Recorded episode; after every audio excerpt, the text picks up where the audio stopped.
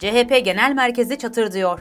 Onursal adı güzel gitti, Akan Abdullah gitti. Gözler Tuncay Özkan'da. CHP lideri ve Millet İttifakı'nın Cumhurbaşkanı adayı Kemal Kılıçdaroğlu, onursal adı güzelin ardından bir ismin daha üzerini çizdi. Akan Abdullah.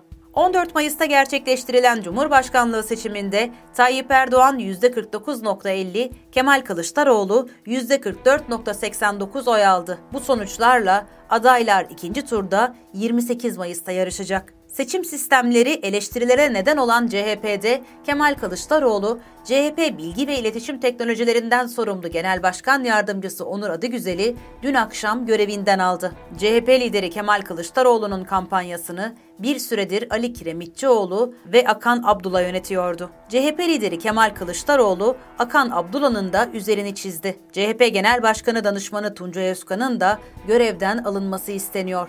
Sosyal medyada Tuncay Özkan'la ilgili on binlerce tweet atıldı. CHP Genel Merkezi'nin Tuncay Özkan'la ilgili nasıl bir tutum takınacağı merak konusu.